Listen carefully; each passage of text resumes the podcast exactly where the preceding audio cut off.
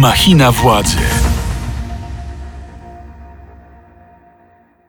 Witam, to kolejny odcinek podcastu Machina Władzy, w którym będziemy chcieli zgłębiać meandry świata polityki, poznać autentyczne motywacje, które stoją za decyzjami polityków, a naszym gościom i rozmówcom zadawać czasem pytania takie, na które nie zawsze chcą odpowiadać. Ja nazywam się Mikołaj Pietraszewski, a moim dzisiejszym gościem jest Franciszek Sterczewski, poseł Koalicji Obywatelskiej. Cześć, dzień dobry, witam serdecznie. No właśnie, Franciszek Sterczewski, o którym za jakiś czas jest głośno, od kiedy pojawił się w Sejmie. Ostatnio z uwagi na jego y, pobyt y, w Usnarzu Górnym, gdzie przypomnijmy od miesiąca koczuje grupa około 30 migrantów z krajów arabskich, znajdują się, trudno powiedzieć, czy w pasie y, białoruskim, czy w pasie polskim, bo tu zależy od tego, które służby nam to komunikują i od jakiegoś czasu są przetrzymywani i nie pozwala się im ani w jedną, ani w drugą stronę przejść. A ty, Franku, byłeś tam w Usnarzu Górnym, w okolicach tego miejsca. Powiedz, jak właściwie tam trafiłeś? Co sprawiło, że tam pojechałeś? No o sprawie słyszymy, tak jak mówisz, od miesiąca. Mhm. I dzięki właśnie Fundacji Ocalenie, która szybko trafiła tam na miejsce i starała się mhm. tym osobom pomóc, Wiemy, że no, trwa tam po prostu impas między władzami czy służbami polskimi i białoruskimi, które no, w szczelnym kordonie właśnie otoczyły i zablokowały tą grupę. No i tu wiemy dokładnie, że to są Afgańczycy, 32 osoby, 5 kobiet, reszta to mężczyźni oraz kot, jak, mhm. jak, jak wszyscy tak. pewnie słyszeli. Ulubiony kot Krystyny Pawłowicz. Dokładnie tak. Y, niestety nie, nie wiem, e, co, co pani Pawłowicz e, na ten temat myśli, bo zablokowała mnie na Twitterze, więc. Oj, nie tylko ciebie. Nie, nie sprawdzę. E, ale, ale wiemy właśnie dzięki pracy Fundacji Ocalenie, no właśnie, co to są za ludzie, jakie są ich nazwiska, imiona, z jakich miast pochodzą, jakich zawodów się podejmują. Wiele rzeczy na, na, ich temat wiemy właśnie i, i to też jest prawdziwy właśnie sukces e, fundacji, która po prostu ustaliła te wszystkie dane i w ten sposób pokazuje, że to są ludzie. Przez cały czas e, służby starały się utrudnić tą pracę, nie? Zasłaniając tych ludzi namiotami, e, radiowozami, E, utrudniając e, właśnie fundacji kontakt wzrokowy z tymi ludźmi. Bo... Nawet pojawił się motyw zagłuszania rozmów, które prowadzono z pomocą megafonu. Dokładnie, bo, bo na początku, w pierwszych dniach, można było no, zbliżyć się do tego obozu i tak jak jest otoczony właśnie tą pierwszą linią radiowozów, tak nad głowami strażników dało się, prawda, po, przerzucić im jakieś namioty, coś do zjedzenia i tam w pierwszym tygodniu właśnie poseł Maciek y, koniecznie mógł się mhm. tak y, zbliżyć i jakiejś pomoc, pomocy udzielić. No i w kolejnych dniach y, pojawił się kolejny kordon policji, od, oddalony już o e, kilkadziesiąt metrów i i za niego dopiero można było się komunikować, e, no właśnie, albo na napisy, na, na tabliczkach, transparenty albo właśnie dźwiękowo, tak jak mówisz, e, za pośrednictwem megafonu i, no i to było po prostu przerażające słyszeć, jak e, straże e, włączają silniki, kiedy właśnie tłumaczka Fundacji Ocalenie próbowała porozumieć się z tymi Afgańczykami mhm. i ten, ten dźwięk ich krzyku, który oni starali się mocniej krzyczeć właśnie ponad ten dźwięk silników samochodów, to jest no jedna z najbardziej przerażających rzeczy, jakie słyszałem. A właśnie, bo mówi, że to są uchodźcy z Afganistanu, tak ustalili właśnie przedstawiciele Fundacji Ocalenie. Co innego mówią władze. Mariusz Kamiński na przykład na konferencji prasowej mówił, że to są częściowo ludzie z Afganistanu, ale przede wszystkim z Iraku i y, że są y, zwożeni przez służby białoruskie specjalnie samolotami do Mińska, potem z Mińska przewożeni w kierunku granicy i tam y, wypychani przez właśnie pograniczników białoruskich. Więc jakby komu wierzyć? No przede wszystkim, y, jeżeli właśnie władze, czy pan minister ma jakieś wątpliwości, to najprostszą e, drogą, żeby to sprawdzić, e, jaka jest prawda, no to jest weryfikacja, więc te osoby powinny być e, po prostu poddane procedurom. E, ten, ten cały konflikt nie powinien trwać trzy tygodnie, czy cztery już teraz, mhm. lecz na maksymalnie trzy godziny. Tak? Mhm. Te osoby powinny być skierowane do przejścia granicznego, powinny po prostu dostać szklankę wody, e, podstawową jakąś tam poczucie bezpieczeństwa, no i e, móc legalnie złożyć papiery e, o azyl. I niestety tam możliwość jest im odebrana. Mhm. Ale jeśli chodzi właśnie o, o, ich tożsamość, no to fundacji udało się dotrzeć do ich rodzin z Afganistanu i mamy właśnie y, kopie ich paszportów, dowodów osobistych, całą tą dokumentację właśnie potwierdzającą ich afgańską tożsamość przesłaliśmy do wiceministra e, MSWiA, pana ministra Wąsika i, i również czekamy na odpowiedź, prawda, bo no my, myślę, że to jest jednak bulwersujące, że władza próbuje tutaj roz, rozmywać to, mówić, że to są ludzie z różnych państw, nie tylko Afganistan, no bo doskonale wiedzą, że e, Polki i Polacy wyrażają solidarność akurat z a, mieszkańcami Afganistanu, ponieważ widzą, co się dzieje, co talibowie tam wyczyniają w tym momencie. W związku z tym władza specjalnie stara się zanonimizować tę grupę, ukryć ich twarz oraz y, w ten sposób e, utrudnić ludziom e, współczucie im i wyrażenie empatii. To jest świadome działanie władzy. A właśnie, bo wychodzi na to, że y, władza celowo mija się z prawdą. Skoro mówisz, że y, Fundacja Ocalenie chociażby jest w posiadaniu kopii ich dokumentów tożsamości, a tu z kolei mamy y, taką narrację, że to są imigranci ekonomiczni z różnych krajów zwożeni celowo przez Białoruś. Więc jakby sugeruję, że to jest właśnie celowe, intencjonalne działanie władz po to, żeby ukryć e, prawdziwą ich tożsamość, a nie dopuścić do tego, żeby oni mogli w jakikolwiek sposób przekroczyć tutaj granice. To znaczy, przede wszystkim to e, ci ludzie są zakładnikami e, narracji Prawa i Sprawiedliwości o tym, że właśnie rząd Mateusza Morawieckiego tutaj broni granic, pręży muskuły i tworzy opowieść o wielkim zagrożeniu i inwazji barbarzyńców, o wielkiej fali migracji. I no, pamiętamy, jakie słowa padały już od 2015 roku przy okazji eurowyborów, prawda? Jak Jarosław Kaczyński mhm. mówił, że ci ludzie przenoszą insekty i choroby. Pierwotniaki. Pierwotniaki. No to, to jest obrzydliwy język znany z najgorszych czasów XX wieku. I to, co teraz widzimy, to jest kontynuacja tej narracji i jest to straszne, ale no to jest zupełnie inna sytuacja niż, niż, e, niż 5 lat temu. To nie mamy do czynienia z tysiącami, lecz z trzydziestką e, Afgańczyków, z pojedynczymi osobami gdzieś tam po lasach, ale to nie jest fala.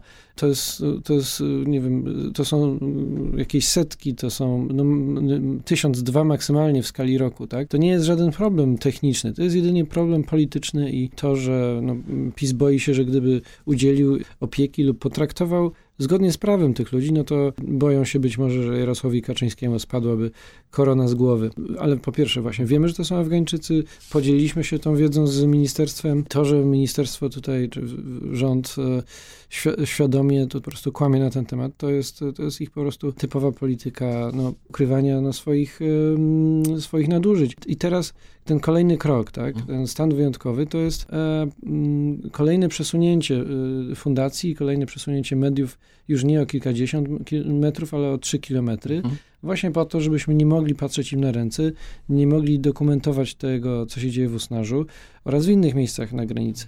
Ale a propos tego, co, co powiedziałeś jeszcze, że, że, że, że, mm, to są e, właśnie imigranci ekonomiczni i uchodźcy. E, jeśli chodzi o Usnarz, to wiemy, że to są e, uchodźcy. Oni, oni uciekają z Afganistanu. A no właśnie, bo minister Kamiński wprost zaprzeczał temu, co na przykład teraz mówisz, że proszę nie wiązać tego, co się dzieje w Afganistanie z tym, że na granicy mamy kilkudziesięciu koczujących e, e, uchodźców, że jakby, że to nie są ci sami ludzie uciekający przed talibami.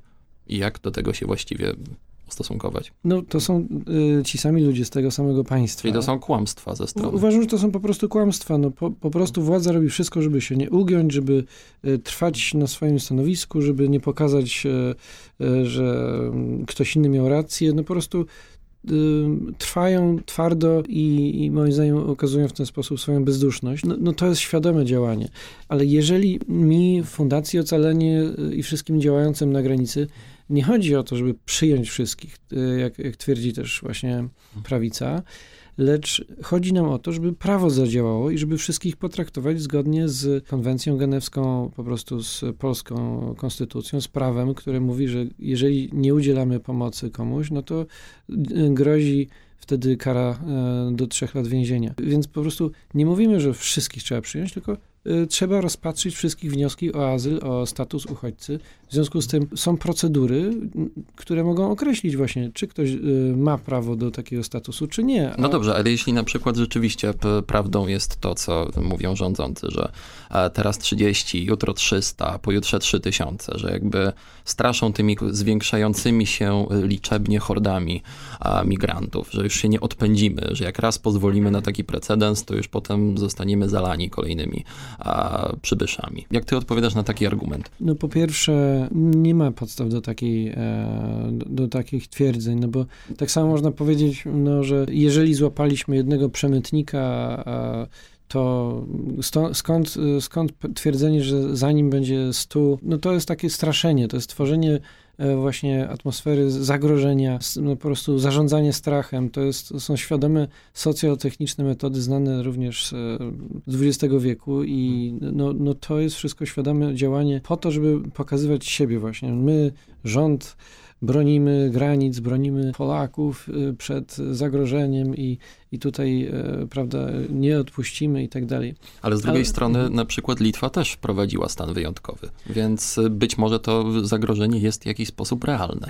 Bo to są dwie rzeczy, tak? Mhm. E, to, że e, Aleksander Łukaszenka wykorzystuje tę sytuację jest bezdyskusyjne, tak? Oczywiście spotkałem wiele osób na granicy z Iraku, z, z innych państw, które dostały się na teren Białorusi dzięki wizie Łukaszenki, tak? Hmm.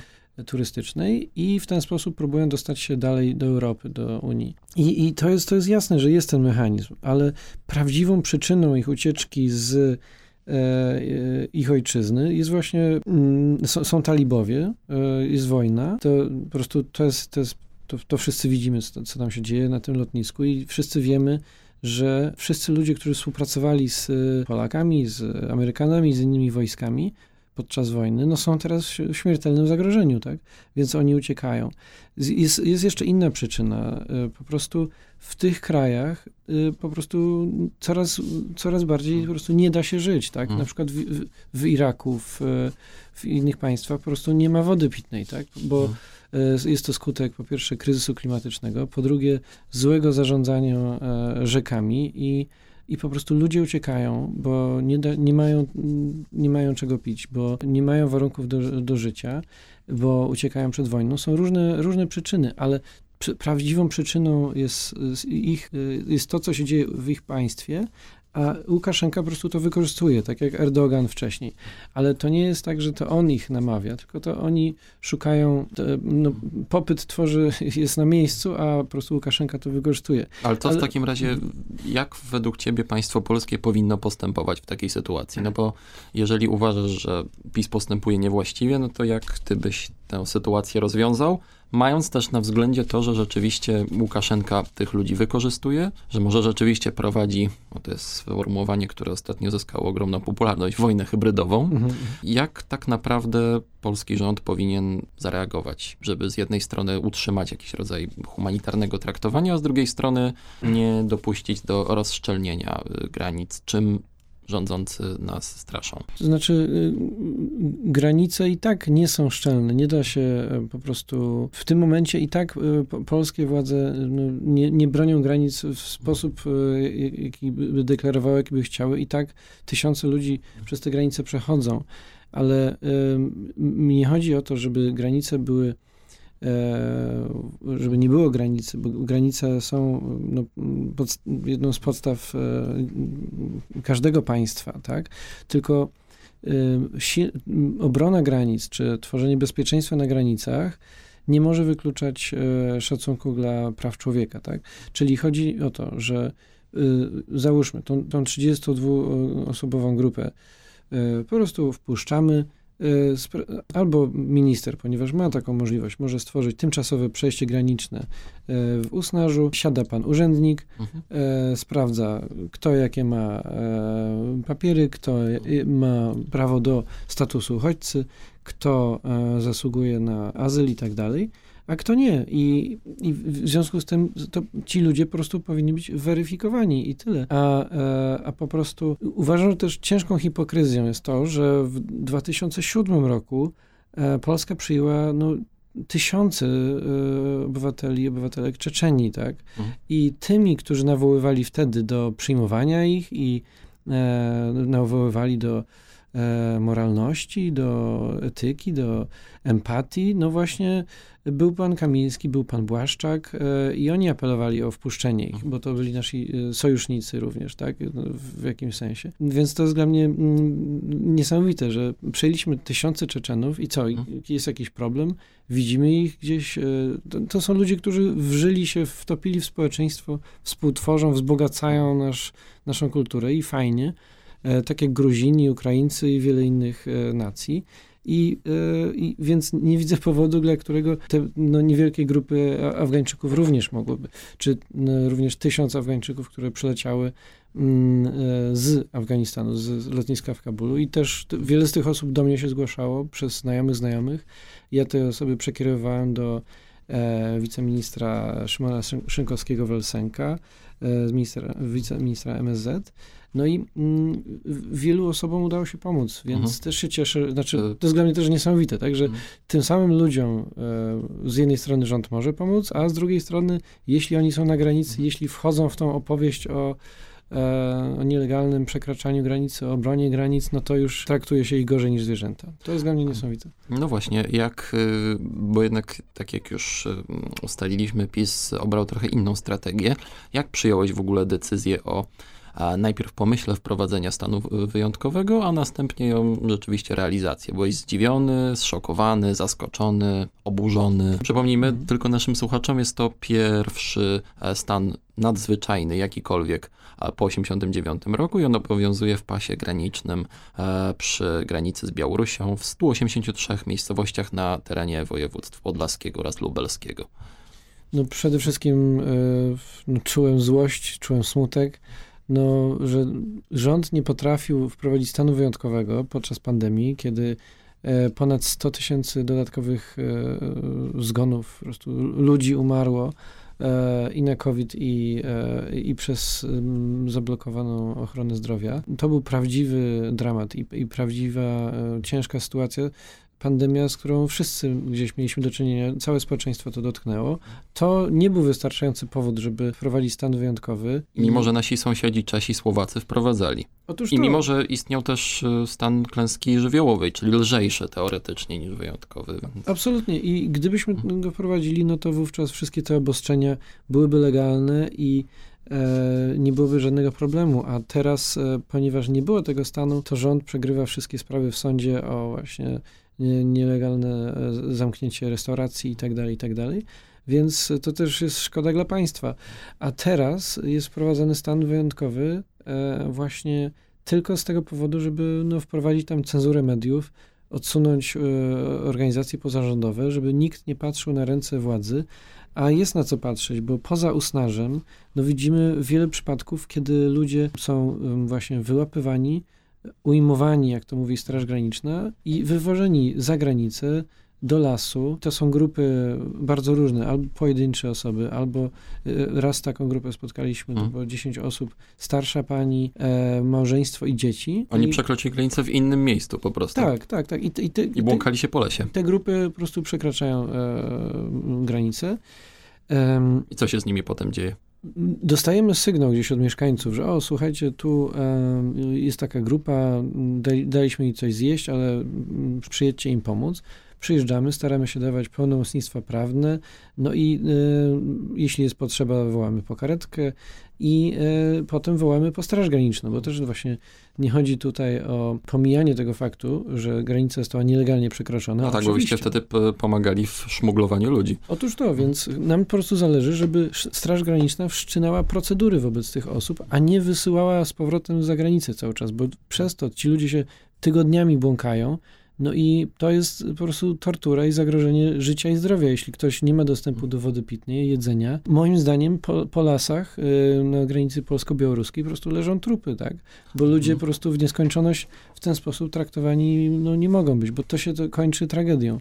Więc tą grupę tych 10 osób to, to byli Kurdowie z, z, z Iraku. Spotkaliśmy, jak już Straż Graniczna ich otoczyła, staraliśmy się uzyskać jakiekolwiek informacje, ale Straż Graniczna nie chciała się ani wylegitymować, ani odpowiedzieć na pytania, dokąd tych ludzi biorą. No więc pojechaliśmy za nimi. Po pół kilometra e, drogę nam zajechał inny e, wóz Straży Granicznej. Powiedział, że tu musi sprawdzić papiery. Mhm. Nie obchodziło go to, że jestem posłem i tutaj w trybie kontroli jadę za tamtym e, konwojem. No i straciliśmy 20 minut, bo przeszukiwał nam e, samochód i potem jeździliśmy po wszystkich e, placówkach Straży Granicznej w okolicy i nigdzie tych ludzi nie, ani nie znaleźliśmy, ani nie, uzyskaliśmy żadnej informacji. No więc najprawdopodobniej tych ludzi, nie już właśnie zdrowych, hmm. młodych mężczyzn, tylko starszą panią, rodziny, dzieci, 10 osób, wywieźli po prostu gdzieś do lasu. I to jest skandal, że w polskim państwie karze się ludzi bez sądu, bez procedur, łamie się w ten sposób po prostu konstytucję, konwencję genewską i to jest po prostu niebywałe i po to właśnie stan wyjątkowy, żeby nikt tego nie rejestrował, żeby nikt nie musiał władzy patrzeć na ręce i żeby władza mogła w ten sposób łamać prawo. No właśnie, bo e, jest też po to, żeby na przykład e, nikt tak jak ty nie przedarł się przez kordon strażników. No to wideo, gdzie próbujesz właśnie dostarczyć torbę z jedzeniem zrobiło już furorę, mówiąc też in, językiem internetowym, zostałeś trochę zmemiony, bo tam i przeróbki z, muzy z muzyką z Benny Hilla się pojawiały, że, że, że no generalnie różne reakcje wywołała ta, ta sytuacja. Nie chwalili cię bardzo za przyzwoitość, za odruch serca, za to, że zrobiłeś to, czego, na co nie odważył się żaden poseł w przysłowiowym garniturze, a jedni nazywali cię pożytecznym idiotą Łukaszenki, który po prostu e, tańczy tak, jak mu zagra orkiestra w Mińsku. Jak ty się do tego ustosunkujesz? Co właściwie pchnęło tobą wtedy, w tamtym momencie, że stwierdziłeś, że, że musisz tam pobiec? No dla mnie pożytecznymi e, tancerzami Łukaszenki raczej są e, panowie i panie e, ministrowie i z naszego rządu, którzy grają w, ten, w tej samej orkiestrze w zasadzie, tak? No kto korzysta na tym kryzysie na granicy, kto e, korzysta politycznie na tej całej sytuacji, kto pompuje tą atmosferę wojenną i kto buduje na tym swój polityczny kapitał. No, no po prostu rząd Mateusza Morawieckiego... E, no PiSowi wzrasta no, ewidentnie w sondażach, więc... Więc, więc, więc tutaj e, jest odpowiedź na pytanie, kto tu jest pożytecznym idiotą i kto e, korzysta E, na tej sytuacji i kto z kim e, współpracuje. No dobra, ale wróćmy do tej tak. sytuacji, w, bo, bo y, nie wiem, czy, czy też y, wszyscy nasi słuchacze wiedzą, że to, że ty tam pobiegłeś z tą torbą, to jest tylko drugi etap tego incydentu, że wcześniej chyba była jakaś z twojej strony ro, próba rozmowy z pogranicznikami.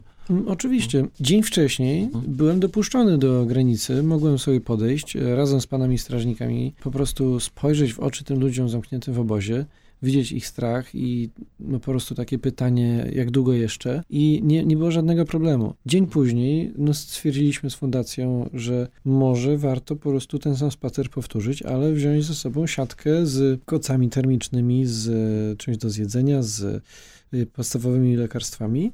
No i wtedy dopiero Straż Graniczna nie umożliwiała mi pracy. Czyli to e, był jakiś taki odruch desperacji trochę z twojej strony? To znaczy, mandat poselski upoważnia mnie do kontrolowania e, wszystkich służb w Polsce. Mam prawo przechodzić przez wszystkie kordony policyjne i tak jak są protesty, strajki kobiet, to również przedzieram się przez nie, żeby stwierdzić, czy nie jest łamane prawo. I tak samo tutaj miałem po prostu prawo przejść, o czym informowałem właśnie strażników granicznych, że panowie, wczoraj mnie przepuszczacie, dzisiaj nie. No nie może być tak, że raz stosujecie prawo raz nie według swojego widzimisię. Mm, nie może być tak, że nie, nie chcecie się wylegitymować. Nie A czym oni się tłumaczyli, że nie mogą cię teraz przepuścić? No właśnie, nie odpowiadali, tak? Jedyne, co e, mi do powiedzenia, to metody zdartej płyty, że proszę rozmawiać z rzecznikiem prasowym. No to nie jest mhm. żadna odpowiedź. Jakby poseł ma prawo uzyskać informacje od wszystkich funkcjonariuszy. Każdy z nich ma obowiązek wylegitymowania się i podania podstawy prawnej dla swoich działań. Związku z tym, że oni nie, nie odpowiadali, nie, no, ich działanie było bezprawne. Próbowali mnie zatrzymać, to jest po prostu e, też tak pasywno-agresywne, jak widzieliśmy, oni próbowali mnie blokować, ale to, to się działo po ponad półgodzinnej rozmowie, więc na początku próbowałem najgrzecznie, a potem stwierdziłem, no dobrze, skoro panowie nie, nie wiecie, jakim prawem nie próbujecie zatrzymać, no to kontynuuję i w związku z tym pobiegłem zatrzymali mnie. Trzy razy taki bieg e, podejmowałem. Prawie udało się mhm. dobiec, no ale w pewnym momencie już było ponad 20 strażników granicznych i wojskowych z e, karabinami maszynowymi wokół mnie. No zupełna, zupełna komedia. E, I, Chyba nie chcesz powiedzieć, że oni byli gotowi do ciebie strzelać. Nie, ale no właśnie nie wiem po co broń w, te, w takich sytuacjach. Być może gdyby panowie nie mieli te, takich karabinów ani e, kamizelek kuloodpornych, no to łatwiej byłoby by, by im się biegało i, i hmm. by, by się tak nie wywracali. Ale, e, ale po prostu to był akt no, trochę desperacji, trochę stwierdziłem, że trzeba zrobić wszystko, żeby tym ludziom spróbować pomóc, ale po prostu no, to jest absurd, że polskie służby działały no, wbrew polskiemu posłowi. No to jest hmm. tak, tak samo działali i tak samo polskie służby działają niestety jak y, służby na Białorusi, po prostu przeciwko społeczeństwu, przeciwko obywatelom, przeciwko prawom człowieka, co niestety widzimy ostatnio w różnych służbach. No tak, bo inter, y, legitymacja poselska, tak jak wiemy już ze strajków kobiet, niekoniecznie chroni przed bliskimi spotkaniami spotkaniami trzeciego stopnia z, ze służbami. A ja bym chciał jeszcze o jedną rzecz ostatnią zapytać. Kto na tym korzysta? No korzysta PiS, bo jemu może nie jakoś znacznie, ale wzrasta w sondażach. I, i, i jest to jakiś tam rodzaj znaku, że to społeczeństwo być może daje się jakoś tak łatwo też wciągnąć w tę polaryzacyjną grę.